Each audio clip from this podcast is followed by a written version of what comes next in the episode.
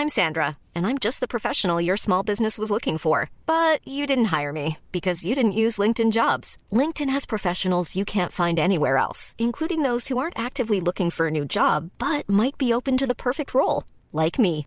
In a given month, over 70% of LinkedIn users don't visit other leading job sites. So if you're not looking on LinkedIn, you'll miss out on great candidates like Sandra. Start hiring professionals like a professional. Post your free job on linkedin.com/people today.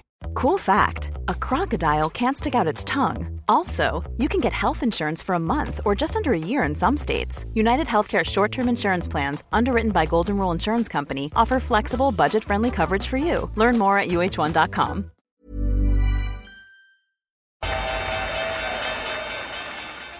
They mistook leverage for genius. Leverage for genius. I would recommend Japan. The governments don't rule the world. Goldman Sachs rules the world. Velkommen til episode 150 av podkasten 'Tid er penger'. En podkast med Peter Warren. Så det, på fem år så har vi runda 150. Nå starta vi jo med annenhver uke, og nå er det hver uke. Og så har vi i tillegg ekstrainnhold vi lager på Patrion. Så eh, hvis du støtter oss på Patrion, så får du i noen uker to episoder hver uke. Noen uker så får du ekstra lange eh, podkast-episoder. Det varierer litt med vi, vi ønsker ikke å bare lage innhold bare for å lage det, men det, det er mye vi har måttet kansellere, og, og det gjør det også uh, mulig for oss. Så vi vil takke alle som har støtta. Vi har fått en utrolig pågang de siste par ukene. Og det har jo vært mye å snakke om rundt det som skjer i Ukraina. I dag er det litt mindre Ukraina-stoff. Ting har jo normalisert seg i, i krigens ulendighet, men det er jo mye annet å snakke om. Og det er mye geopolitisk rundt om i verden akkurat nå. Peter snakker bl.a. om sin egen trading litt. Og eh, eh, vi toucher selvfølgelig inn på den voldsomme økninga av kostnader for en normal norsk forbruker som har skjedd det siste året. Er det 10 000, er det 15 000 mer i måneden? Jeg vet ikke, men det er veldig mye fordi at alt stiger i pris. Veldig mye. Så eh, selv om det er en slags jubileumsepisode, så er det jo kanskje ikke bare glede. Men vi kan si at vi kan starte med å feire at etter 13 år, og, eller 13 15 år, så er endelig kvantitativ lettelse over. Og det i seg sjøl er vel nok til å være litt fornøyd med. Men da starter vi episoden. Episode nummer 50. 150. Jeg heter Sverre, produsent. Da starter vi. Eh, Før vi starta i dag nå, så fortalte Peter en historie. Jeg skulle gjerne ønske at vi kunne si den på lufta, men den tror jeg dessverre ikke kan gjentas. Så du får bare Vi starta nesten en time for seint. Vi satt og babla her før vi starta opptaket. Jeg er sikker på at du ikke vil fortelle historien? Nei, til, eh, vi kan, uh, vi kan tease med at det er for, for jeg har en bandasjert hånd, men vi, vi, jeg, tror vi skal la, jeg tror vi skal la det være med, med resten. Du vil ikke si det her til uh, en nær samling venner som cirka fyller Ullevål stadion? Nei, jeg tror det der eh, vil, uh, vil komme feil ut. Ja. Men da kan vi heller starte med noe langt viktigere som har vel ikke fått noe omtale noen plasser, så vidt det har skjedd. I hvert fall i nærheten av null. Og det er etter 13 år, på dagen fra bunnen av finanskrisa, som var 9. mars, klokka 10.10 gjennomførte det amerikanske finansdepartementet og sentralbanken i USA gjennomførte den siste operasjonen, som kan kalle kvantitative lettelser. Det er totalt 13,5 år eh, man har holdt på med å kjøpe eh, amerikanske statsobligasjoner eh, for å manipulere det komplette markedet til å satse mer penger på høyrisk, som har gjort veldig mange folk veldig rike, og har blåst opp utallige bobler og pumpa inn eh, kunstig likviditet i alle mulige bauger og kanter av verden. Og nå er det over. Den 9. mars klokka 10.10 i forrige uke amerikansk tid. Det er 8400 milliarder dollar som nå sitter på eh, balance-sheeten til den amerikanske sentralbanken. De har eh, lagt bak seg utallige forkortelser, som er alle de forskjellige måtene å si trykke penger. og nå er det egentlig to valg igjen, og det er å gjøre ingenting og coaste med det store balance-sheeten, noe som sannsynligvis ikke kommer til å skje så lenge. Og så kommer vi til å endre fra QE til QT, quantitative tightening. Og det kan jo selvfølgelig starte nå på førstkommende onsdag, når det er sentralbankmøte i USA. Sannsynligvis vil det nok vente litt. Nå har vi fått mye turbulens i verden som gjør at eh, å rulle tilbake denne enorme operasjonen nok ikke er så aktuelt akkurat i øyeblikket, men det vil nok skje i år. Mm. Så da var det over. Vi har holdt på med podkasten i en fem år og har klaga på pengetrykkinga i nesten hver episode. Og har episode nummer 150 i dag. Det er nesten som man skulle feire. Ja, vi feirer med at uh, nå er på en måte markedene så normale som, som de har vært, egentlig. Vi har så lite manipulering som vi ikke har hatt på en mannsalder. Ja, altså hva var det vi sa ville skje? Altså vi, vi ville ikke spå nødvendigvis retning da vi vil ikke spå i det hele tatt, jeg tenker meg, men, men, men uttalelse om retningen på markedet da vi gikk inn i, i, dette året, eller da vi var ved slutten av forrige år og visste at kvantitative lettelser skulle slutte. Men det vi var ganske sikre på, var at volatiliteten ville øke. Og det tror jeg Jeg tror ikke det er noen som vil være uenig med oss i at det har skjedd. Selv om det er sikkert de som vil plassere det på at ja, men det er pga. Ukraina osv. Ja, det, ja, selvfølgelig delvis er det det. Og sist uke intet unntak. Men poenget var at man skulle være forberedt på uh, en, en, helt klart høyere grad av usikkerhet. Altså usikkerhet definert som volatilitet, altså hvor det, hvor det svinger mer. Og det, det fikk vi uh, allerede før invasjonen i, uh, i Ukraina, men den er selvfølgelig blitt forsterket av den. Det er ikke noe tvil om.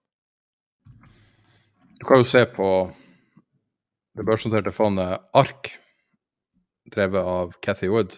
Mm. Der har de gitt tilbake absolutt alt. Og nå er det opp 172% siden oppstart. På det meste var opp tett på 700% Og den pika jo lenge før Ukraina var i nyhetene. Ja. Den pika i fjor, eh, februar. Og vi har levd i en sånn illusjon av at med, med 60-70 all time higher på ett år, at alt er så bra. Men det, det, begynte jo å falle for lenge, lenge siden. Og litt avhengig av hvordan marked du er i, så, så er det ned 80% fra toppen. Så det har nesten ja, det er, blitt ignorert ja. på et vis.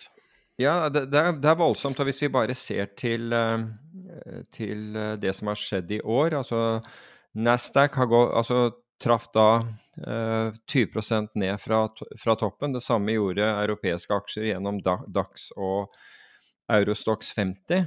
Altså, Oslo Børs står på en måte cruiser rundt, rundt eh, nullen, eh, mens, eh, mens, realitetene for andre er, er, noe helt annet. Og du har SMP røftlig ned, SMP 500, altså amerikanske aksjeindeksen, hovedindeksen ned ca. 13% og det er ganske det er ganske voldsomt, det, det, som, uh, det, som, skjer. Vi har stadige nyheter. Altså hvis vi tar det som skjedde i forrige uke, hvor, hvor for øvrig jeg gikk på en, en ordentlig smell. Uh, nyheter rundt Ukraina, det er jo selvfølgelig at du vet at hva som skjer i Ukraina. Du vet at det er en, en krig der, men du vet aldri når det kommer nyheter ut fra Eh, fra den krigen. Og det, det, som faktisk forbauser meg, det er at vi snakket om, om, hvor effektive markeder er, og hvordan marketmakere trekker seg unna, og hvor vanskelig det var å, å selge store, store, poster på vei ned. Og det, det, ser vi jo, fordi det har vært uh, det har vært uttak av veldig mange fond. Kraftige kraftig innløsninger i obligasjonsfond, kredittobligasjonsfond, mortgage-backed securities-fond, aksjefond osv. Um, så må jeg jo si at jeg, jeg syns ikke den har vært disorganized. Jeg syns egentlig at markedene har tatt imot, selv om du har fått en dårligere pris enn en, en beste kjøpekurs, eller den kjøpekursen du trodde du kunne få eh, da du solgte, så syns jeg at det har vært ganske greit. Men hvor jeg har sett det motsatte skje, nemlig at markedene ikke har fungert. Og nå skal vi snakke om LME og nikkel etterpå, så det er ikke det jeg sikter til. Men det, har, det, var faktisk til oppsiden i, uh, i, i, forrige uke. Nemlig i, uh, i uh, europeiske aksjemarkedene, og da først og fremst i DAX-indeksen.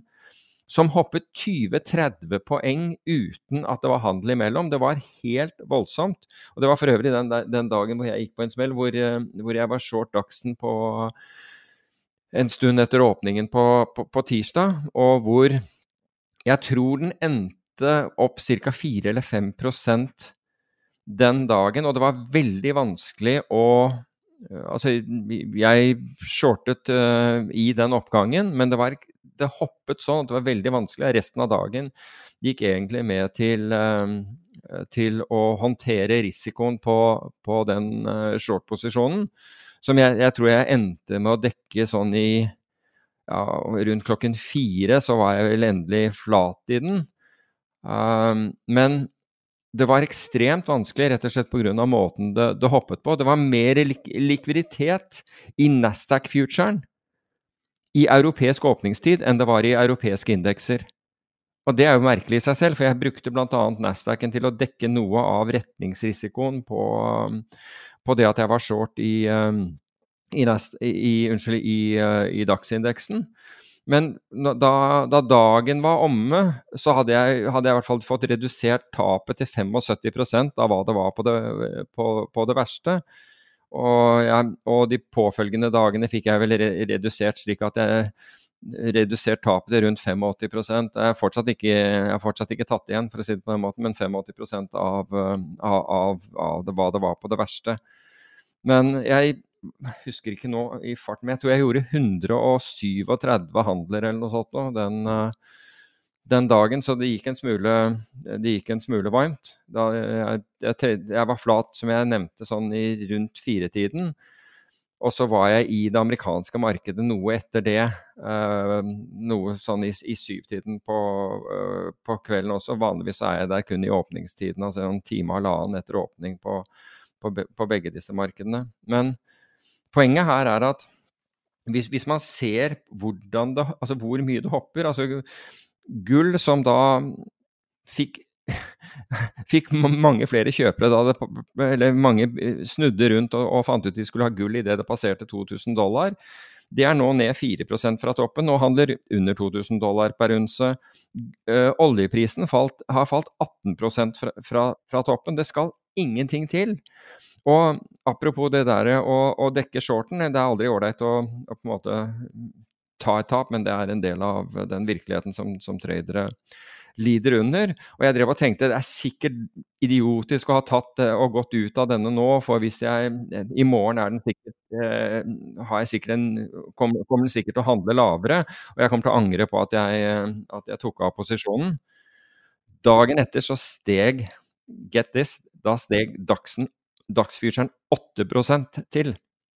Så det forteller at det hadde ikke vært spesielt lurt å være og fortsatt være short. Den dagen så tradet den for, øh, for, øvrig også fra short-siden, men klarte å, klarte å, tjene penger på den. Men ja, det var, altså det var en tøff dag, fordi, fordi det var liksom et, det var et betydelig beløp. og i hvert fall, altså På det verste så var det absolutt et, et betydelig beløp, og det krevde mye å og trade rundt den boken, uh, som var det jeg gjorde. Jeg tradet rundt den boken, men med hovedpoenget av å, å redusere risikoen, altså med andre ord redusere short-posisjonen.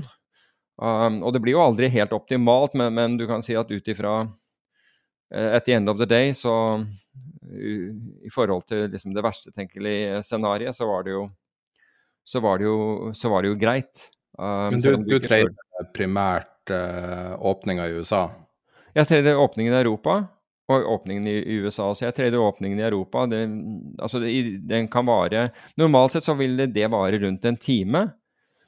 Uh, men, gå, men no, nå som det er litt mer aktiv, så kan den vare i to timer. Og, og, det samme, og da er jeg stort sett flat etter det. Og så tredje jeg amerikanske åpningen omtrent like, like lenge. Det er veldig mange som har spurt, fordi at, og det her er Eh, jeg var jo eh, en gang i tida en eh, person som tenkte at jeg kanskje kunne bli trader. Jeg var veldig fascinert av det i starten, og fikk aldri grep på hva det var. Det var så merkelig, fordi at jeg var Og jeg endte i en sånn i en sånn mellomposisjon som en slags, uh, i mangel på et bedre ord, en slags finanshistoriker, der jeg er like interessert av finans som en trader, men jeg har aldri en posisjon på never ever. Uh, men det som ofte jeg opplevde som outsider da, i det her miljøet, altså som prøvde å lære meg det helt på egen hånd, var at det var så vanskelig å forstå helt sånne grunnleggende ting. Og hadde jeg hatt denne podkasten da å høre på, så ville jeg ha klart å fylle de hullene da. Men det fantes ingen sånne verktøy. Så jeg har et forslag til deg. Eh, en, det vi kunne ha gjort på Patrion, f.eks., er at jeg er sammen med deg eh, litt i bakgrunnen en, en, av de amerikanske åpningene, og så har vi en improvisert eh, lydopptak så kanskje i, i lang tid blir stille, men nå, der du eh, Altså rundt tradinga di. Hadde ikke det vært litt artig å prøve? Jo, bortsett fra at uh, da, da, vil man Altså, den, den er, har så vidt enkle regler at uh, da vil hvilken, altså, hvem som helst vite hva du gjør. Og det er du ikke så, så veldig interessert i som, som Nei, nei, man kan anonymisere litt. man kan anonymisere akkurat hva du gjør. Ja, men ikke nødvendigvis hva du gjør som er så interessant, men mer hvordan du tenker. Det er veldig mange som lurer på det, og jeg kjente deg siden eh, finanskrisa omtrent. og ja, vi har sendt deg like lenge som det har vært kvantitative omtrent, og, eh, og, jeg vet fortsatt ikke helt hvordan du jobber. Nei, altså, du, du kan si at det, det, vil jo være forskjellig fra dag til dag hva, hva, du legger vekt på den dagen. Men sånn som vi, vi, opplevde Skal vi se, hvilken dag var det? Var det på, I hvert fall en av dagene i forrige uke. Da da, da, Putin kommer ut med altså, Du kan lure på hvorfor han kommer ut med dette, virkelig.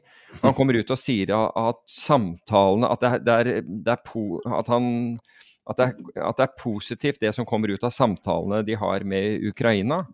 En spesiell uttalelse fra han? Ja, veldig, ja altså bare, for, bare for, å sette den i perspektiv. Den, den dagen hvor jeg shorter Dax, da, hopp, da går Dax, Daxen 400 og noen og 60 poeng på på den første halvtimen fra bunn til topp. I, da Putin, og det, det, er en veldig stor bevegelse. Dagsen, altså før alt dette startet, kunne bevege seg 30-40 poeng, eller kanskje 50 poeng på den samme tiden.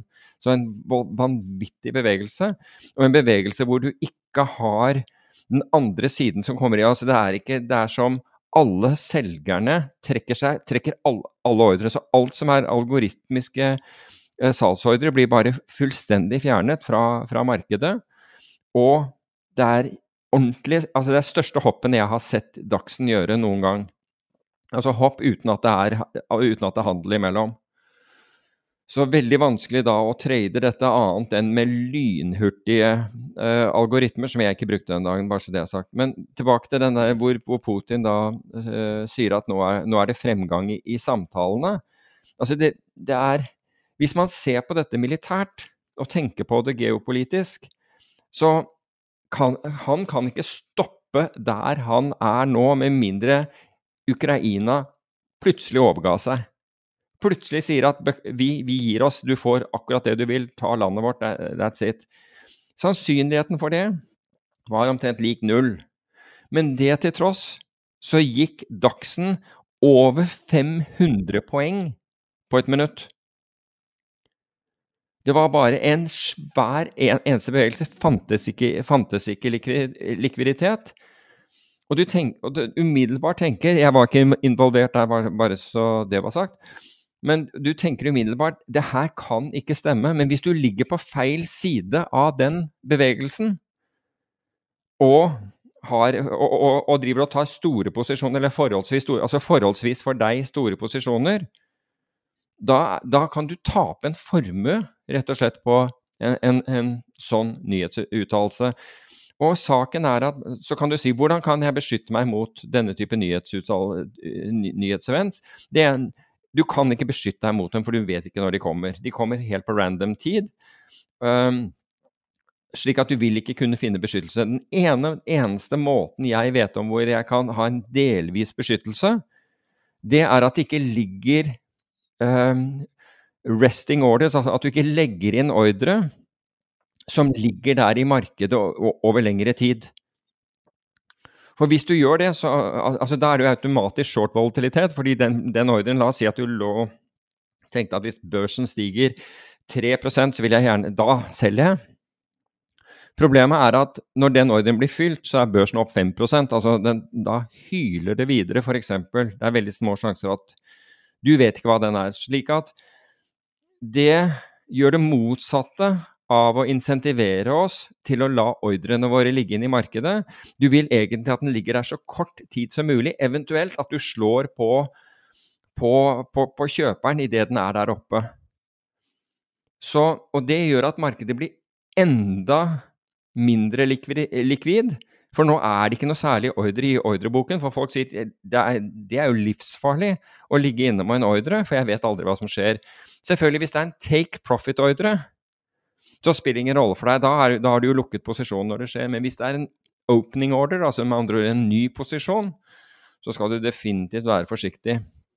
Men hva med sånne digit... Altså type Jeg tenker på uh, Du sier hvordan man isolerer seg fra nyhetsevents. Altså det I utgangspunktet kan du ikke gjøre det. Hvis du sitter med posisjoner eh, altså må også huske at de posisjonene du snakker om her, er jo naturlig belånt gjennom futures, f.eks.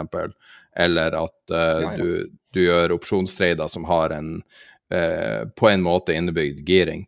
Men eh, vi har også fått spørsmål ja, hva med folk som bare handler cash, altså bare kjøpe, kjøpe aksjer, selge aksjer. Selv 6% er jo ikke devastating hvis Nei, du bare altså, eier det outright. Nei, altså det er jo helt Men hva med ting som digitale opsjoner, f.eks.? Altså noe som er one touch? Ja, de får du ikke eh, kjøpt på børs, for det første, så det, de må du da De får du tak i OTC-markedet, så da må du for det første vite hva du driver med der. Eller opsjoner generelt, kanskje. Altså at i sånne her markeder så må du bare vite hva du kan tape, ikke hva du kan tjene. Jeg er enig. Altså, jeg, jeg synes altså, Det verste var at dagen før jeg gikk på den, der, den smellen, så satt jeg og regnet på å gjøre en, en gå, gå, long, en out of the money call, betalt med en out of the money put, rett og slett fordi puttene ble betalt så enorm premie på. Altså det var så stor, uh, stor høy volatilitet på, på, på puttene at jeg så på det og tenkte det der synes ganske attraktivt nå, men så er du redd for den nyhetsrisikoen over natt. Altså Hvis det kom en eller annen forferdelig nyhet over natt, at det kunne være mye lavere. Men hadde jeg gjort den der, så hadde det jo vært helt Altså jeg hadde sikkert tatt gevinst for tidlig, men den hadde jo vært helt fantastisk i en sånn situasjon. Så, så hvem er det som kunne bruke den, for å si det på den måten? Det er f.eks. en som ønsket å gå long. En som ønsket å gå long, ville da og, og, og, greiene her var at du ville utstede Min idé var å utstede en putt som var 10 under markedet. Altså med andre ord, markedet måtte falle ytterligere 10% til. Da hadde allerede øh, den tyske øh, Dachsen falt 20% fra toppen. Så jeg tenkte ok, da, da, da, blir du i tilfelle long 30% ned hvis du blir, blir, long. Mens jeg tror det var noe sånn som 2% over, eller 3-4 over, hvor, hvor, hvor, du, hvor, du, ville bli long. Altså hvor, øh, det, du eide da en call. Du, du brukte, du utstedte en salgsopsjon for å betale for det det kostet med en kjøpsopsjon. Og den salgsopsjonen var mye lenger unna prisen, den øh, prisen i øyeblikket, enn en kjøpsopsjonen.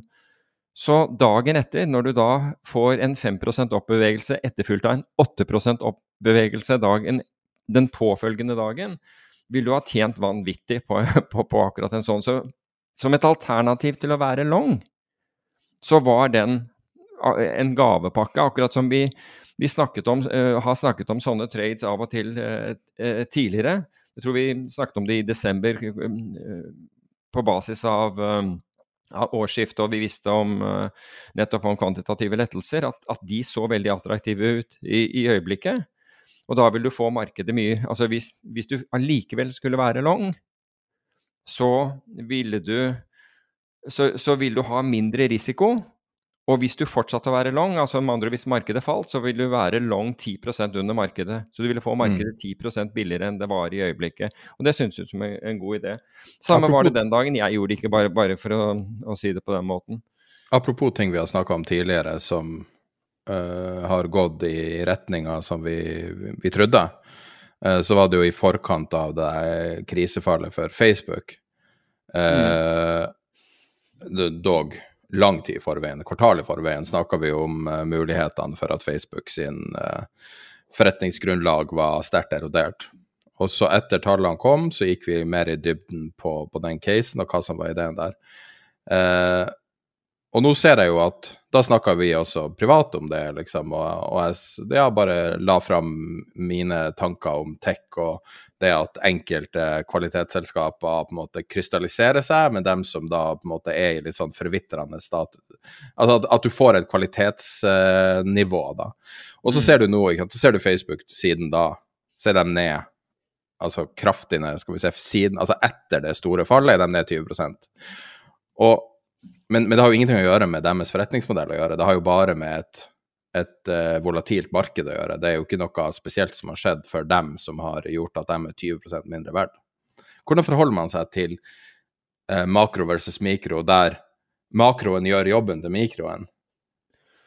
Ja, altså det, det er mye vanskeligere, og det, det sies det, å være makrotrader enn å være mikrotrader. Um, fordi det er veldig få som forstår verden. Altså, hvis du skal være mak makrotrader Vi kan bare si hva det er. Det er sikkert mange som ikke skjønner det. Makro er samfunnet, eh, økonomien, de store linjene. Mikro er selskapsspesifikke ting. Ja, korrekt. Så, så, i makro så ser du på, på pengestrømmer, og du ser på rentebevegelser osv. over over kloden, om du vil, og så, for, og så, sier du at ok, her, som vi gjorde den, den, den Var det i 2007, hvor vi vi mente at Spanias økonomi var så bra som den kunne bli. Det var så bra i Spania at det, at det var vanskelig å se at det kunne bli, bli, bedre. Det kunne nesten bare bli verre. Så hvorfor tar vi ikke en posisjon nettopp på at dette kan bli verre? For vi tror egentlig at det ikke kan, kan bli bedre. Og så fikk vi den ekstremt billig fordi alt var så bra.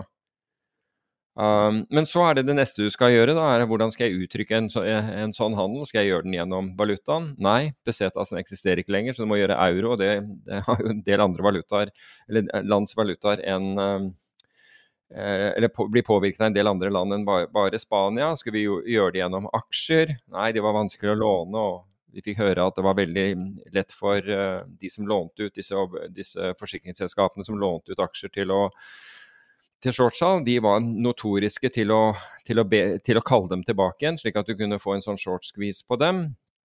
Vi gjøre gjennom så Vi så på, på, de forskjellige og endte da med å shorte uh, spansk, uh, spansk nasjonalgjeld, altså statsobligasjoner, gjennom å kjøpe CDS-kontrakter. Så du må på en måte ha peiling altså Det ene er at du har en en, et synspunkt på verden. Og det, det, har ikke vært lett de siste tolv årene for, for øvrig, mens, eh, mens, det har vært eh, kvantitative eh, lettelser i, i, det hele tatt, 13 årene. Fordi verden har jo blitt Altså man har ikke sluppet til markedskreftene rundt omkring i verden i løpet av, av den tiden, så det har vært en veldig, veldig vanskelig periode.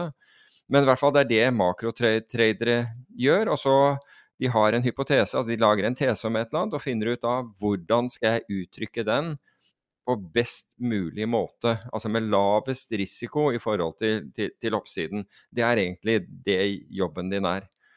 Så um, Det er for øvrig et norsk makrofond som, uh, som, som gjør det veldig bra om dagen. Og det er vel det eneste makrofondet i, i, i uh, Norge som har, har, gjort det. Når vi allikevel skal innom hedgefond etterpå, så har de har de klart å Jeg vet ikke hva, hva, hva grunnlaget er og hvor, hva, hvorfor, men de har i hvert fall klart å gjøre det veldig brukbart i, i år så langt. Um, nå hadde vi jo egentlig skulle ha spørsmål og svar på starten her, og du, du svarte på mange av dem uh, i, i, uh, i, ett, egentlig. Men det var ett, uh, var ett spørsmål som, som sto ut som var um, litt annerledes. Og og det var noe som eh, du bemerka så vidt før vi starta. Jeg så litt overskrifter om at det har vært en del eh, turbulens, kan man si, i Saudi. Og det er jo påfallende at, de, at, det skjer akkurat nå. Kan du si litt mer om eh... Ja, de henrettet jo, jeg tror det var det på lørdag eller på fredag, så henrettet de 81 mennesker. Som er vel den største massehenrettelsen i Saudi-Arabia på veldig veldig mange år. Jeg tror de henrettet 64, og da var liksom verden i kok, kok over det. det. Om det var i 2019 eller 2020, jeg er ikke sikker på. Um, så, så, så, du kan si at det er ganske uvanlig. Og så, kan du tenke, så tenker man hvorfor i all verden gjør altså, I hele 2019 henretta de 184 personer. Ok, men høyeste... nå snakker jeg om henrettelse på én gang. Ja, men det var hele året. På én dag. Men, ja. men, poenget er da Og det virker jo underlig i den situasjonen. altså 81 stykker. Uh, ut, ut, av det var 73 saudi-arabere. Syv var jemenitter. Og én var syrer, syrer. Og det vil si at når de Og konsekvens, ene konsekvensen av dette er at samtalene mellom Iran og Saudi-Arabia er stanset. Og det er fordi Iran uh, er shia, muslimsk, mens Saudi-Arabia er sunni, og det at de tok livet av jemenittene som Altså, uh, Iran støtter da Houthi-militsen i Jemen. Og det var da angivelig uh, flere av disse var fra Houthi-militsen, så nå er de samtalene brutt ned. Det er for øvrig samtaler som Har det noe å gjøre med Iran og USA? Og, og ja, det tror jeg. Jeg tror faktisk jeg, jeg tror det at det har mye med, med, med det å gjøre. For det, det, er jo Russland som, som var brobyggeren eh, forut for de samtalene mellom Saudi og altså mellom Shia og Sunni, som i, i seg selv ikke er lett, lett å få til. Men Saudi-Arabia er verdens største eh, oljeeksportør. Og Russland er verdens nest største oljeeksportør. Russland befinner seg i en krig, og, vi, vi, eh, og sanksjoner blir da, uh, blir da påført uh, Russland. Blant annet stanser man uh, altså Nå har man ikke stanset all olje- og gasseksport fra, fra, fra Russland, men, men, det har, men det har veldig stor betydning. Man vil ikke frakte russisk olje osv. Og jeg tror at Saudi-Arabia bare rett og slett utnyttet denne muligheten for hva skal nå skje? Skal, skal hele verden begynne å kritisere Saudi-Arabia, og skal man gå til sanksjoner mot verdens største og nest største eksportør av olje? Det tviler jeg sterkt på vil skje. Så um, her har man en uh, Så her er, er det nok Jeg vil jo tro at dette er Saudi-Arabia som utnytter, utnytter, denne muligheten til å, til å bli kvitt uh, en rekke som er i opposisjon mot deres uh, mot deres styresett. De sier jo at det var folk som hadde planlagt å angripe politistasjoner og diverse sånne anti anti-establishment-angrep. Om det var terrorisme og alt sammen, det er jo uklart, men Ja, det er veldig uklart. Det er veldig uklart. Men det vi vet, er at, uh, er at eh, det tidligere har blitt ganske ja, kraftig reagert fra, fra, andre land, og Vesten spesielt, mot Eh, barbarismen i, eh, i Saudi-Arabia. Men jeg, jeg, antar nå at uh, folk ligger, ligger litt uh, lavere. Og så oppi dette hele, siden denne, denne weekenden skjedde det mye, tydeligvis. Fordi nå leser vi at ifølge amerikansk og britisk etterretning så har Russland henvendt seg til Kina med, med, med spørsmål om militær støtte, og det er først og fremst utstyr.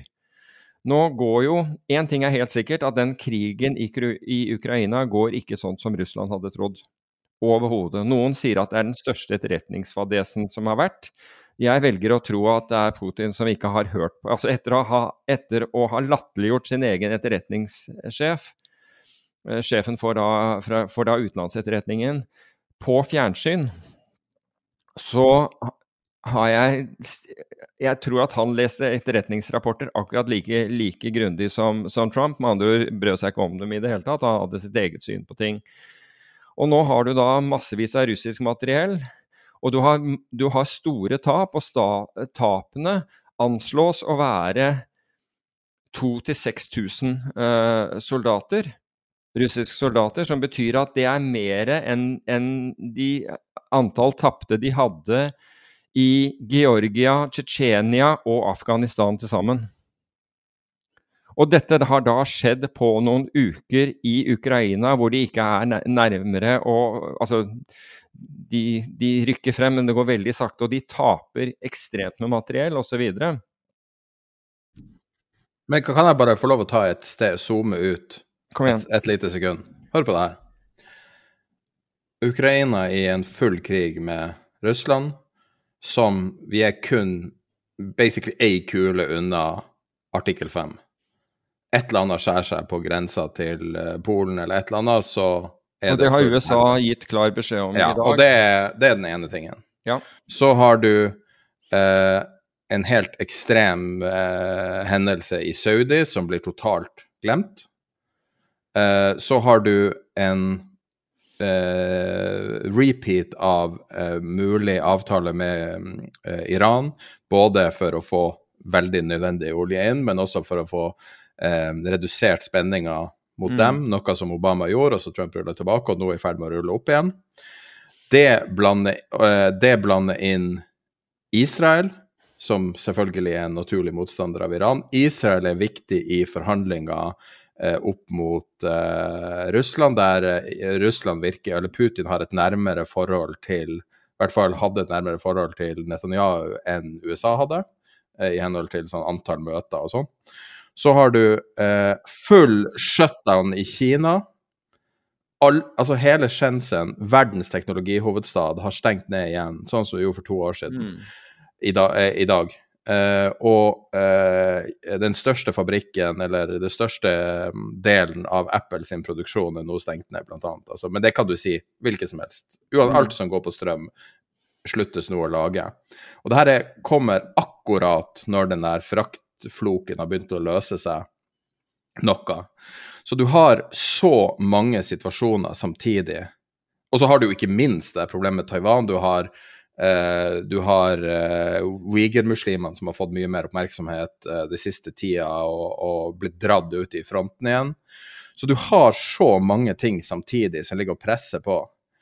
Og så har du alle de her uh, russiske oligarkene som eier ting i bøtte og spann overalt som blir frosset, og båter ligger over, eller, eller det er så stort at det kalles skip, ligger rundt omkring eh, og blir eh, borda overalt, og reglene tegnes opp på nytt igjen, samtidig som både EU og Nato er i spill. Mm. Og alt det her skjer samtidig. Og likevel så syns jeg at det føles som om det er et mer grunnleggende, veldig anførselstegn normalt marked enn det var for to uker siden, der det virkelig var helt umulig å ha oversikt. På tross av alt det her føler jeg at vi er i en, en verden som går i retning av normalitet. Og en annen sak er at det her er jo superanekdotisk, men det føles som at masse urett i verden har blitt reversert. Ting som alle vet er urett. Sånn som at Putin skal kunne få lov å herse med hvem han vil. Eller at oligarkene skal bare stjele penger fra Russland og bare reise rundt og kjøpe alt de vil. Eller at eh, at man opprettholder denne konflikten med, med, Iran, som rammer det iranske folket mm. vanvittig hardt. Og det er jo et notorisk veldig positivt land å besøke. At, at, folk som har vært i Iran, har veldig mye positive ting å si om dem. Og, og at, at de har blitt lamma i en generasjon nesten av det her. Og så har du Kina. Jeg kan ikke tenke på hvordan det er å være kineser nå, der du lever med det vanvittige presset fra alle kanter. Som, men likevel så føles det som at ting har faktisk gått i riktig retning, på tross av at mange folk har dødd. Skjønner du, skjønner hvor jeg vil hen? Jeg skjønner hvor du vil, men det tror jeg bare rett og slett er hjernen vår, vår uh, sin På en måte en forsvarsmekanisme uh, hvor vi kommer over den akuttfasen. Uh, den derre lammende frykten, sinnet, frustrasjonen, den biten der, den dempes litt fordi Altså Tiden leger alle sår, og det gjør jo på en måte det. Det gjelder jo sorg, og det gjelder alt mulig man, man, man kommer ut for. Så har tid en, en, øh, en positiv effekt da, i, i, forhold til hvordan man opplever den. Jeg sier ikke at den, at den endrer, eh, at det endrer det.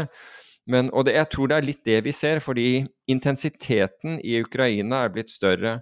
Det at Putin, hvis det er riktig som amerikansk og britisk etterretning hevder, og foreløpig så må vi jo i hvert fall si at både amerikansk og britisk etterretning har vært ganske eh, nøyaktig når det gjelder hva, hva som foregår i, uh, mellom Russland og, og, Ukraina. Så hvis vi tar det hvis vi, hvis vi liksom legger vekt på at den ikke er helt gal i dette tilfellet, så betyr det at han at, at, Fordi han altså For Putin Jeg kan ikke forstå, som jeg, som jeg sa i, i forrige episode, hvordan han skal vinne dette. Han vinner altså Det er ikke sånn at de tar Ukraina, og så er det over. Det er heller ikke sånn at han kan dra tilbake igjen til Eller troppene kan dra tilbake igjen, og så, og så feirer man dette som, som en, en, stor seier og, og kjører nye, eh, nye militærparader.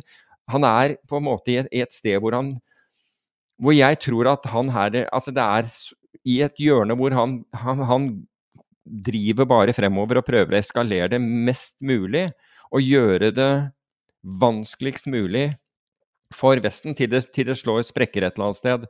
Og dette med, med, Kina, hvis man nå skulle involvere, klare å involvere en nasjon som Kina i dette, så vil jo det eskalere det hele vesentlig mer.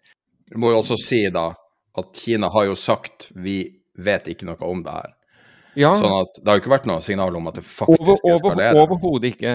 Overhodet ikke. Men, kine, men, kineserne støttet Russland på at det kunne, være, at det kunne finnes Var det Nato Uh, at Nato hadde fabrikker hvor man, hvor man, laget kjemiske våpen i Ukraina. og Det er jo litt sånn vilt nok i, i seg selv. Men glem Men kan, kan, vi, kan, vi, bare stoppe der et sekund? Det er ja. noe jeg hadde lyst til å spørre deg om.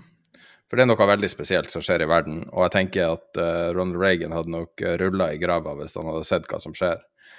Så akkurat den, den, uh, uh, den tanken om de her biolabene, som er det, har blitt fokusert på fryktelig mye på amerikansk høyrevridd mm. TV. Ja. Og angivelig skal Kremlin ha trukket fram Fox News som en god kilde som burde fokuseres mer på. Noe, noe i den, det, det var en, eh, en, nyhet om det tidligere i dag. Det var helt umulig å vite om det er rett eller galt. Men når du ser på Fox News, så føles det som å se på russisk propaganda. Og det er jo helt absurd. Hvordan skjedde det? Ja. En rekke talsmenn for det republikanske partiet går eksplisitt ut og støtter Putin. Ja, det, det er jo eh, altså, Det er jo nesten uforklarlig når, når, du tenker hvordan amerikanerne bruker kommunisme som skjellsord hele tiden. Og, og, altså bruker det om andre. Og Fox har brukt det et antall ganger om altså folk innenfor, uh, innenfor uh, Obama-administrasjonen ble jo kalt kommunister av, av, av, Fox. Mens de nå De ville gladelig ha, ha kastet Ukraina under bussen. I hvert fall disse, disse, de, de, fleste. Jeg har også sett noen av disse, disse sendingene det er, det er absurd, egentlig, i forhold til det. Og hvis du tenker på at rustbelte og kulldumpa, alle snakker Altså, kommunisme er det verste de kunne tenke seg. Så er de liksom pro Etter Trump blitt pro Putin. Og, og Ukraina teller ikke i det hele tatt. Og kommunistene kan gjøre hva, hva, de, hva, de, vil. Tenk deg i gamle dager når du måtte psy-oppe et helt folk ja. og drive og ha store operasjoner for å manipulere, og, og nå er det enkeltpersoner, nøkkelpersoner. Du har en, en republikansk politiker sitter i rullestol, eh, som heter eh, Cawthorn, eller noe sånt heter han, som er blitt en sånn nesten talsmann for de, de russiske ideene i politiske fora mm. i USA. Og ingen stiller spørsmål med det. Altså, jeg tror at hvis Trump hadde vært president, så hadde Ukraina gått rett under bussen. Og det spørs om, det hadde, om USA hadde fortsatt uh, vært i Nato. Det sagt, så, det, så, skal Trump ha for det at han advarte mot denne energiavhengigheten av Russland. Det han advarte Tyskland, han advarte Nato.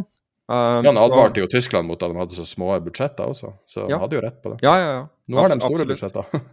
Absolutt. Det, det, disse tingene blir, blir rettet på nå. Men, eh, og, men, bare tilbake til altså Du har den, den, kinesiske connection på den ene siden, og så har du denne basen som, eh, denne ukrainske basen som lå ja, 10 km fra grensen til Polen, som da ble utsatt for et betydelig uh, russisk uh, luftangrep. Og hvor nå Biden sier at hvis noen munitions lander inn i Polen, så vil man ta det som, som et angrep på Nato og respondere militært. Så når vi får det inntrykket at, uh, at, varmen er skrudd ned her, så tror jeg det er et feilaktig uh, Dessverre er et feilaktig inntrykk. Men Skjønte du hva det var jeg argumenterte for? Det var ikke at varmen var skrudd ned, for varmen føles ganske høy fortsatt. Mm. Det føles som at de, de, de gode vinner. Jeg håper du har rett. Altså, vi, vi vil alltid håpe på det, men altså, i mellomtiden så så dør jo sivile Altså de, de, hadde jo aldri for, Det er tydelig at de ikke hadde forventet den motstanden de får fra ukrainske styrker. Og ukrainske styrker har til bare uker før invasjonen blitt trent av amerikanske og britiske spesialstyrker. Og det viser seg at de, de klarer seg ganske bra. Og med denne dronestøtten som de har, disse dronene de har kjøpt fra TB2 eller noe sånt de heter, de har kjøpt fra, fra Tyrkia som da er bevæpnede droner, så, så, har de virkelig klart å, å, å, å gjøre, gjøre langt mer motstand enn det russerne var, eh, var klar over og, eller, eller, forventet. I tillegg så er de russiske troppene er ikke i nærheten så godt utstyrt øh, og, og, trent, fordi de er ganske ferske og unge. Jeg, tror de, jeg snakket om en gjennomsnittsalder rundt 2-23 år, mens er, de ukrainske troppene er ca. 10 år eldre i, i, i snittalder. Så det er jo en del ting som, som, som, kommer sammen her og gjør dette her vanskelig. Men, det, men, samtidig, når det gjør det vanskelig, så betyr det også at russerne stepper opp med å, med å, å ødelegge sivile mål. Og, og bombe, altså rett og slett bombe sivile mål og, og, og sørge for sivile tap i håp om at, at, krigens grufullheter skal få noen til å, til, til å tenke seg om. Så den, den situasjonen er langt fra, fra, avklart. Og jeg vil jo nesten påstå at verken markedene eller vi har tatt helt inn over oss hvor dette egentlig går hen. Altså allerede før, og nå, nå tenker jeg på nå tenker jeg ikke bare på flyktningstrømmen. fordi altså Når du dislocater flere millioner mennesker, så får det Får, altså, og det er en del av krigen, det er jeg helt sikker på, fra, fra Putins side. Det er å sende flyktningstrømmer eh, vestover, slik at, man, at landet fra, ja, fra, fra Polen og, og, vestover får betydelige utfordringer med, med, flyktningene. Og dette går da utover eh, et lands økonomi. For her er det, er det, store kostnader, og alle kommer til å hjelpe til, og den biten her, men det er store kostnader. I tillegg, og nå kommer det, det jeg snakket om, altså en tsunami som skjer der borte, bølgen har bare ikke nådd oss. Ja. Og det er den bølgen av kostnader. Skal vi, skal vi, snakke litt om eh, økte kostnader for nordmenn? For den begynner å bli lang, lang liste nå. Ja, la oss trekke den dit. fordi mitt, min, mitt på, min påstand er at 3,7% inflasjon Altså, det er ikke der vi er i det hele tatt. Nei. Vi er kanskje fem til ti ganger høyere i realiteten. Det er min påstand. Ja, så for for, for reell inflasjon er tett på 40% og det tror jeg stemmer ganske bra. Eh, men la oss snakke litt om eh, økte kostnader til nordmenn. Altså eh, ikke i prosenter, men i, tenker mer i kroner og øre. Så jeg prøvde å lage en liste og tenke over alle tingene som har steget i pris for en vanlig familie eller en vanlig eh, person.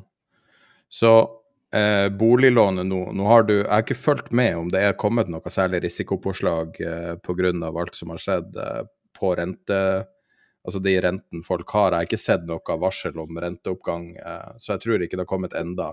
Ikke i bankrenter, men hvis du ser på, hvis du ser på det som bedrifter må betale, altså, eh, altså kredittspreddene ja. på, eh, på, eh, corporate bond, som heter på norsk, Uh, Selskapsobligasjoner? Ja, på selskapsobligasjoner så har, de, har de hatt en markert oppgang både i USA og i Europa. Ja, og så kan du se på Du kan jo se uh, altså Amerika elsker jo å charte ting, og de uh, har jo også mulighet for å charte 30 år fixed rate mortgage, altså fast rentelån i 30 år. Mm. Hva er det prisen er akkurat nå? Og i utgangen av året, eller i fjor sommer, da, så var det på 2,77 I mellomtida har du hatt en enorm bølge av boligsalg. Nå er renta på eh, renta du faktisk må betale, 3,85. Så mm. det er over et fullt prosentpoeng opp eh, bare siden i fjor sommer. Femårs statsobligasjoner i USA traff 2% altså da ja. steg til 2 i Men det her er da lånene, altså her er lånerenta du må betale. Ja. Og eh, en, en, lignende eh, kostnadsøkning eh, har vi vel sett over hele verden, og også i Norge. Eh, Norges Bank, så vidt jeg kan huske, har vel varsla tre-fire rentehopp i år. Rentebanen er ca. 1 eh, opp i år. Eh, matvarer. Jeg eh, var på matbutikken før vi starta for å kjøpe en Red Bull. og, eh, en okse som er To, to Red Bull og, og to, eh, to sånne hundematting. Jeg var helt sjokkert over hvor dyrt det var. Og jeg merka det, det er blitt drastisk mye dyrere. Og akkurat noe tall på det, men mellom 10 og 30 på veldig mye er definitivt opp. Og det står uh, artikler i avisene om hvordan du kutter matkostnadene dine og diverse. jeg har også anekdotisk fått med meg at veldig mange drar til Sverige nå. Sannsynligvis kanskje høyere prosent enn tidligere, fordi at man må kutte matkostnadene på et eller annet vis. Så har du byggematerialer er jo skutt i været det siste året, de siste to årene. Så alt du eh, Hvis du skal drive med folkesporten i Norge som er oppussing, så er det blitt drastisk dyrere. Eh, I tillegg så er bilkjøp i hele verden blitt veldig dyrt. Både bruktbil og nybil er blitt veldig vanskelig å få tak i pga. Eh, ymse logistikkproblemer. Og så kommer da en nyhet i dag som kommer som en skikkelig sånn julekveldmelding om at bomprisene i Oslo som Når de endra det bomsystemet, så steg jo bomprisene fra det du kunne maks få var 1000 til 3500. Så det var for dem som kjørte mye, så steg bomprisene da med eh, tre og en halv gangeren. Og, eh, og nå skal de opp 30 til 40 har den blitt varsla. Og det var ikke noe akkurat tidspunkt på det, men det er et utrolig umusikalsk ja, tidspunkt å komme si, med bompengeøkning. Altså Bompengen for en person i Oslo er jo fort 3000 kroner. Og det er jo ikke sånn at vi har, selv om vi har høye nasjonalformuer, så har ikke lønningen så veldig høy i Norge. Så, så 3000 i måneden på å kjøre og hente unger i barnehage og diverse er ganske heftig. Eh, så har du strømpriser som du kan skrive under på er opp. Eh, man skulle vel tro at det er en to til tre ganger høyere strømpris. Eh, to til tre ganger? På hele året. Altså, du, på hele året. Ja, det kommer jo til å være mye mer enn det. Men, men vet du hva? Apropos det, vår venn uh, Arnfinn i, uh, i Glitre Energi, jeg hadde en samtale med han i går. Og det ene jeg spurte om der, er hvor stor Altså, vet, vi har jo dette kapasitetsproblemet mellom Nord-Norge og Sør-Norge. Og i Nord-Norge, altså Bø begynner å bli et utrolig mer attraktivt sted å, å flytte for øvrig. Men, men, eh, det er en vesensforskjell. Det er jo 10-20 ganger dyrere uh, med strøm i Sør-Norge enn i Nord-Norge. Og så har vi da akkurat åpnet og dratt uh, denne kabelen til England. Og vet du hva? Altså, vi klarer da å få en kabel over til UK. Det klarer vi å gjøre. Det er ikke noe problem. Enda vi har visst om denne, de, de, denne, dette problemet med nord-sør-kabelen i Norge. Det har vært kjent i år ut og år inn. Så klarer man da å, å få dratt en kabel til England. På, altså det, det, har de klart liksom på et par år. Som har, get this, dobbel kapasitet. Doble kapasiteten av det, den kabelen som vi har mellom eh, Nord-Norge og Sør-Norge. Ja. Det er enestående, hva? Det er helt utrolig, syns jeg. Nå, nå, skal jeg pitche deg en ny idé. Jeg har funnet en ny strategi for at vi skal gjøre ting på eh, sånn improviserte ting for Patrion. Så hvis jeg bare sier det til deg under opptak, så er det mye større commitment. Så nummer én det jeg har tenkt å gjøre lenge, som var at vi kunne lage en sånn egen med når du trader, og, og, bare nesten sånn eh, litt sånn, sånn nyhet Nei, også som et sånn naturprogram. Der er en sånn David Attenborough som bare forteller, forteller, historien om din trading. Eh, dog bare lydopptak. Og det andre er at jeg satt og forestilte meg Det hadde vært litt artig å samle Vi kjenner jo en del folk i strømbransjen fra forskjellige perspektiver. Det er artig å samle dem og deg og prøve å løse framtidige strømproblemet. Fordi at hvert land kommer jo til å få et ufattelig stort problem knytta til all energi framover. Det er jo ingenting som tyder på noe annet. Og da, det, så var det noen som stilte spørsmålet hvor mange vindmøller må du ha langs kysten for at man faktisk har nok altså La oss si at man, at man skal doble kapasiteten i Norge, at man, ikke, at man skal fortsette å eksportere vannkrafta, men at man skal da red, øke den lokale produksjonen av strøm. Mm. Hadde ikke det vært interessant å samle mange folk og så prøve å løse, altså legge en plan for jo, men jeg ser jo at det er, det er jo så politisk motstand. Altså Marit Arnstad Ja, men glem politikken. Ja, men La meg bare dra denne her, for denne her jeg, jeg, sitter inne med ting, skjønner du. Marit ja, Arnstad hun var olje- og energiminister tidligere. Hun er tilfeldigvis fra Trøndelag, det er akkurat på riktig siden av, av Dovre. Dovre. Hun er da imot at man Nei, man skal ikke øke kapasiteten til sør, for da får de høyere priser. Altså, det er ingen Altså, her, her Sør-Norge Altså, Sør-Norge kommer til å gå til inkasso. Altså Store deler av Sør-Norge kommer til å gå, gå, til inkasso. Og du har en regjering som sover ved roret. Det er tilfellet. De skal se på dette her senere. De skal se på dette for neste år. For mange kommer ikke til å bli et neste år med, de pris, med den prisøkningen som er nå. Og det er prisøkning på alt, og du har jo vært gjennom noe av det. Jeg er sikker på at du har flere ting å, å, å, å stille Her opp er en siste. Drivstoff. Kom igjen, får jeg høre den. Drivstoff. Drivstoff, ikke sant? Dobling av drivstoff. Fytti helvete. Jeg fylte drivstoff for 24, 24 grader literen. Ja, nettopp. Og det høyeste var 27. Jeg hørte Ja. at det var det i Tromsø. Altså, 27. staten blir styrtrik, og borgerne eh, blir Altså, og, og alle innbyggerne taper. Får dette som belastning. Og så snakker vi om 3,7 inflasjon. Det er jo ikke noe 3,7. Men vet du hvordan, eh, hvordan avgiften på drivstoff fungerer? For det, det var er sånn en tenkte jeg. Det er, eller det er en fast avgift. Ja. Det visste ikke jeg før. eh, Jeg lurer på om det kanskje du vet det fordi jeg har skrevet det i regnearket. Nei, jeg, jeg vet det. Ja, eller fordi du sa det på fredag. Ja. Eh, nei, for at eh, eh, drivstoff har på en måte en naturlig minstepris. Det er ca. ti kroner.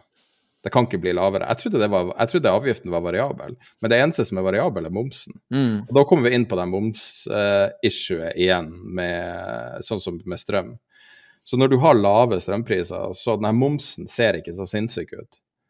Og så får du 20-dobla strømpriser, så begynner plutselig momsen å utgjøre én krone, to kroner. Altså OK, ikke to kroner, men én krone. Og eh, på drivstoff også, så når den blir så utrolig høy som den blir nå, så begynner de å utgjøre en, en ganske høy nominell sum. Ja. Så du har faste avgifter på 7,90 som du sannsynligvis ikke kan touche i Norge. Mens momsen må du kunne touche, både på strøm og på drivstoff. Jo, men, men til og med nye olje- og energiministeren bare gjentar dette her, at du skulle tro du fikk 80% av, eh, av, av eh, over 70 øre. Du gjør jo ikke det. For det du får av gjennomsnitten og gjennomsnittsprisen over et døgn. Men gjennomsnittsprisen er jo ikke når du forbruker strøm. Det er jo ikke sånn at du, at du spiser frokosten din, eh, din til, eh, midt på natta. Det, det er bare tull. Altså, greiene er, er at det, det er helt altså, Hva var det jeg så nå? Det var 4% som syns at den nye regjeringen har gjort en god jobb når det gjelder, når det gjelder covid. Altså, det er tydelig at vi, man prøver å slå den prosenten. Altså, De vil ha den enda lenger ned når det gjelder, eh, når det gjelder hvor, hvor mange som er fornøyd med det man har gjort med, med, med strømmen. Er- Men la oss se på hele kostnads, eh, kostnadsbildet, da. Så du har boliglån, matvarer, byggematerialer, bilkjøp, bompenger, strøm, drivstoff. Sikkert ting, andre ting som er glemt uh, av ymse faste Hva det utgjør for en vanlig familie i løpet av en måned? 10 000? 12 000? 15 000? Rundt der? Jeg vet ikke, jeg bare ser hva, hva mine strømutgifter er. Og, og det, det Nei, men totale, først- totale utgiftsbildet. Hvor mye høyere utgifter Ja, er det Ja, det? er helt vanvittig.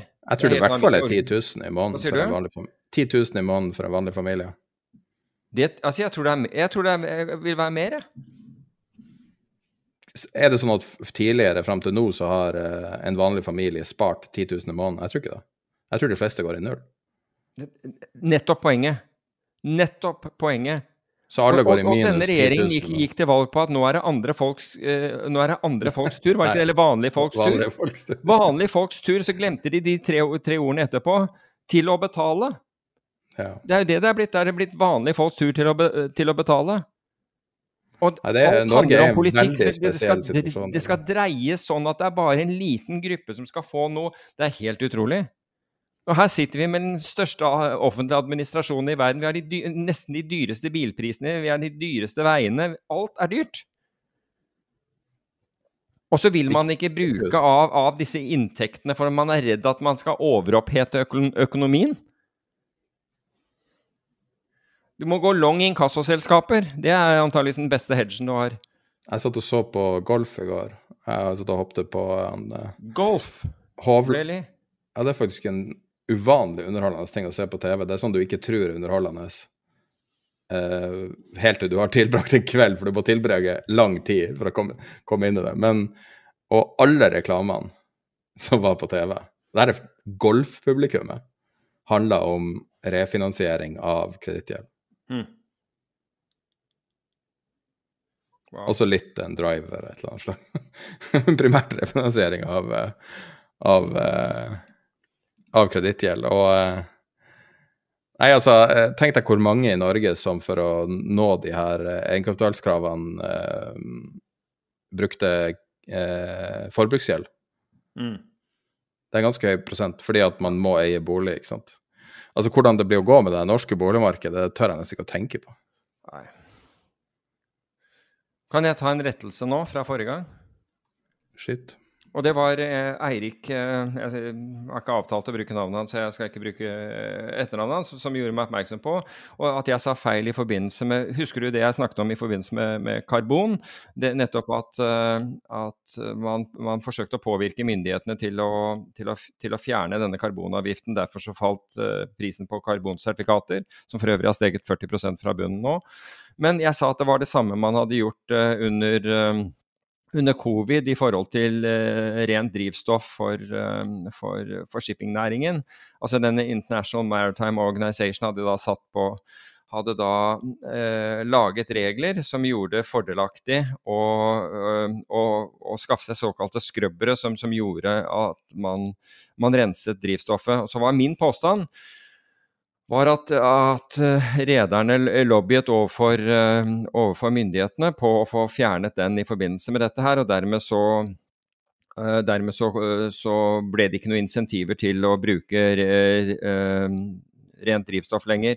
Det som hadde, det var riktig at jeg, altså jeg visste at redere hadde uttrykt misnøye, men det som faktisk skjedde, gjorde Eirik meg oppmerksom på, var at høykarbondrivstoff falt så kraftig i verdi at det handlet helt nede på de samme nivåene som lavkarbondrivstoff. Og dermed, uh, og, og dermed, så på en måte ble disse fordelene borte. Dermed så ble den IMO-trøyden uh, i hvert fall midlertidig, uh, midlertidig suspendert. Så det var faktisk markedskrefter egentlig som gjorde dette. Um, vi husker jo bl.a. at oljeprisen gikk til negativ i, um, med 37 dollar i, uh, i, USA. Men det var disse effektene som, som faktisk slo dette her ned, og, ikke endring i regulering. Noe som jeg er veldig glad for. Jeg er glad for å bli rettet på også når jeg, når jeg, tar feil, men jeg er også glad for at ikke myndighetene lot seg, lot seg overbevise, overbevise, at man skulle endre på, på, på den biten. Eh, nå har vi ca. åtte minutter igjen av episoden. Litt tightere episode enn vanlig. Eh, ikke nødvendigvis noe galt i det. Eh, vi, skulle egentlig ha et ekstra innslag på slutten, men eh, litt koronasykdom har forhindra det, dessverre. Skal vi ta vi... big shot, eller? Ja, vi tar det innslaget senere i uka. Hva du sier du om det? Ja, om big shot? Nei, det andre innslaget. som ja, ja, det kan vi godt gjøre, men vi kan ta big shot hvis du vil. Ja. Jo... Nei, jeg tenkte jeg skulle Det er jo noe som er skreddersydd for podkasten et uh, relativt obskurt metall som ingen snakker om noen gang, og ingen tenker på noen gang, men uh, plutselig skyter himmels. Nikkel uh, er jo et, en del av um, Så vidt jeg vet, det brukes bl.a. for å lage um, rustfritt stål. Og nå er det jo vel ingen hemmelighet at mye nikkel kommer fra Russland. Det er jo veldig skittent, skittent materiale man ikke vil tenke så mye på. Og Eh, det er et marked, så vidt jeg skjønner, så trades det kun fem minutter hver dag på London Metal Exchange. Det er en, eh, en, en mekanikk de bruker for å holde eh, likviditeten god. Men et marked som ja, minner litt om fordi du, du trader det utenom, men det er, da du har de, det er da den offisielle prisen blir satt, altså som man da gjør liksom. transaksjoner på basis av? Ja. Uh, men det er jo en, en helt åpenbart uh, måte å få et, et, lite obskurt marked til å være relativt likvid. Uh, og ikke at du får så veldig variable priser. Men her fikk du da veldig variable priser. Så Nikkel skjøt opp ca. 250% etter det ble kjent at han traderen som heter Xiang Guada, bedre kjent som Big Shot, hadde en stor short-posisjon, med kinesisk uh, trader. Qinghan Holding er jo, eh, er jo, en av verdens største uh, innenfor nikkel. Uh, største, han er verdens største produsent av nikkel og rustfritt stål. Og de lå short, og markedet galopperte opp 100% den dagen. Altså, og, men børsen stenger. Ehm, sånn som børser av og til gjør da, når det gjelder, eh, når det gjelder store bevegelser. Altså du stopper en kontrakt, eller du stopper handelen. Vanligvis så dreier det seg om noen, noen sekunder eller minutter. Men her, de, jeg tror ikke de har åpnet, en, eh, åpnet den enda. Dette Nei, skjedde, den skal være stengt hele uka. Dette skjedde, okay, dette skjedde på, på tirsdag. Og altså, Det er jo litt sånn følsomt hvis, hvis, du tenker på det, fordi det heter London Metal Exchange, men i 2012 så blir den solgt til uh, Hong Kong Exchange uh, for 1,4 milliarder pund. Uh, JP Morgan og Goldman Sachs og alle disse her var med på det, så dette er jo egentlig en børs som nå er i kinesisk eie. Um, så det, det, er den ene. Det andre er at man stanser handelen, som, som vi, vi, nevnte. Men enda verre, og enda mer spesielt, er det at man kansellerer 5000 handler som ble gjort den dagen. Og det har Altså, det skaper jo enorme problemer. Altså, for det første så Det er jo mange som Det, det er noen som da tar profitt på, på, nikkel. Andre selvfølgelig kjøper. Men det er, det er en hel haug av tradere rundt omkring i verden som f.eks. da shorter nikkel og kjøper noe annet mot det så, som, som, hedge, om det er nikkelselskaper eller, eller, eller, hva de gjør. Men det er mange, et fasett av, av, av, mange. Hvorfor skal man bry seg om disse? Jo, for det er de som skaper et marked som er likvid nok til at produsenter og konsumenter kan handle i dette markedet og være sikret på at det er kjøpere og selgere. Børsen avlyste disse handlene. Det er en helt ekstraordinær ting for, en, for en børs å gjøre. Og det er angivelig fordi short-skvisen, altså den, eh, dette, dette, selskapet som vi snakket om, Shingan Holding, de hadde ikke nok penger til å stille med margin. De hadde ikke, altså de hadde ikke kapitalen som, som, krevdes for å holde denne short-posisjonen. Men ved å kansellere alle disse handlene, så var det jo plutselig ikke Altså da, da, da var markedet på et helt annet nivå. De hadde da stanset markedet. Og som følge av det får, får, denne, får dette kinesiske selskapet anledning til å, å, trekke opp linjer hos banker og den type ting for å, for å, få pengene sine på plass. Det kunne vært gjort utenom. Men det er en ekstremt invaderende eh, ting som London Metal Exchange har gjort, og som jeg vil påstå ødelegger den børsen. Jeg tror vi har allerede sett en hel rekke aktører si at takk for seg, de kommer aldri til å handle der, i, der igjen. Bare sitere Cliff Asnes. Gjerne. Jeg har eh, personlig mål om å få Cliff Fesnes som gjest på podkasten, men eh, det er litt vanskelig med milliardærer. Mm. jeg har snakka med noen ganger, men det er vanskelig å få tak i. Uh, han eier da eh, det store fondet AQR, som helt obviously har vært og trada eh, nikkel og blitt reversert. Og så sier han på Twitter I may owe Matty Chamberlain, CEO of LME, an apology. Rather than stealing in an unprecedented matter from his customers to, shave, to save Xiang uh, Guandag, uh, he may have stolen from his customers to save JP Morgan. A massive different lie and theft. My heartfelt apologies. og det er jo det som har vært uh, snakka om, at uh, JP Morgan var innblanda i det her på et eller annet vis, og at uh, de var på feil side og fikk LMI til å snu de til ja, å snu de uh, tradene. Og uh, det har jo skjedd før at, at trader har blitt kansellert, men i ett verdipapir, og spesielt et uh, ikke-regulert papir, så vidt jeg vet er nikkel uregulert. Ja, altså Børsen er jo ikke altså, ja, Det vet jeg for øvrig. Det er jo en futures exchange, det er jo ikke regulert som en, som en aksjebørs. Nei, den er regulert som en råvare, råvarebørs, så den er jo regulert. Ja, men jeg tror ikke det er Altså, jeg tror det er ganske free for all. Det er jo litt av problemet med, med futures-børsa, uh, at du At det uh, Innsideinformasjon er vel ikke regulert, tror jeg, og du kan cornere produkter. Sånn som er det som skjedde her. Det er jo en slags corner, kan man si. Ja, altså det er jo lover mot cornering. Det, det fant jo disse Hunt-brødrene ut på 80-tallet da de forsøkte å gjøre det i sølv, men det var riktignok i, i USA. Men, ja. uh, men, i hvert fall, den, altså, den saken kommer vi til å høre mer om. Det er iallfall helt sikkert. Ja, vi kan ta Hvis vi lager Jeg tror kanskje vi lager en ekstra episode på onsdag, nei, torsdag eller fredag. Vi har en ting som vi har veldig lyst til å, å lage, som har stått på vente en stund. Så kanskje jeg kan ta oppfølger på, uh, på det med deg, hvis du har tid. Ja. Ellers så uh, har vi fått en sinnssyk flom av folk inn på Patrion. Ja, ja, og uh, vi må jo bare si, uh, si, tusen takk, og det inspirerer som ingenting annet.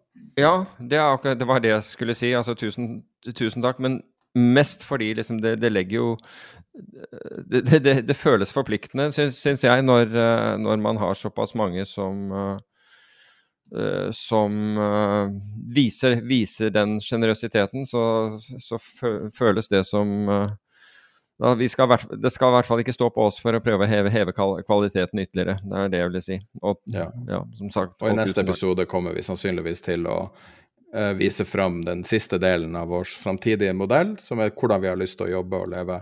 Og pga. Patrion og at det er stor pågang der, så gjør det det mulig for oss å gjøre ting vi tidligere har bare slått fra oss. Mm.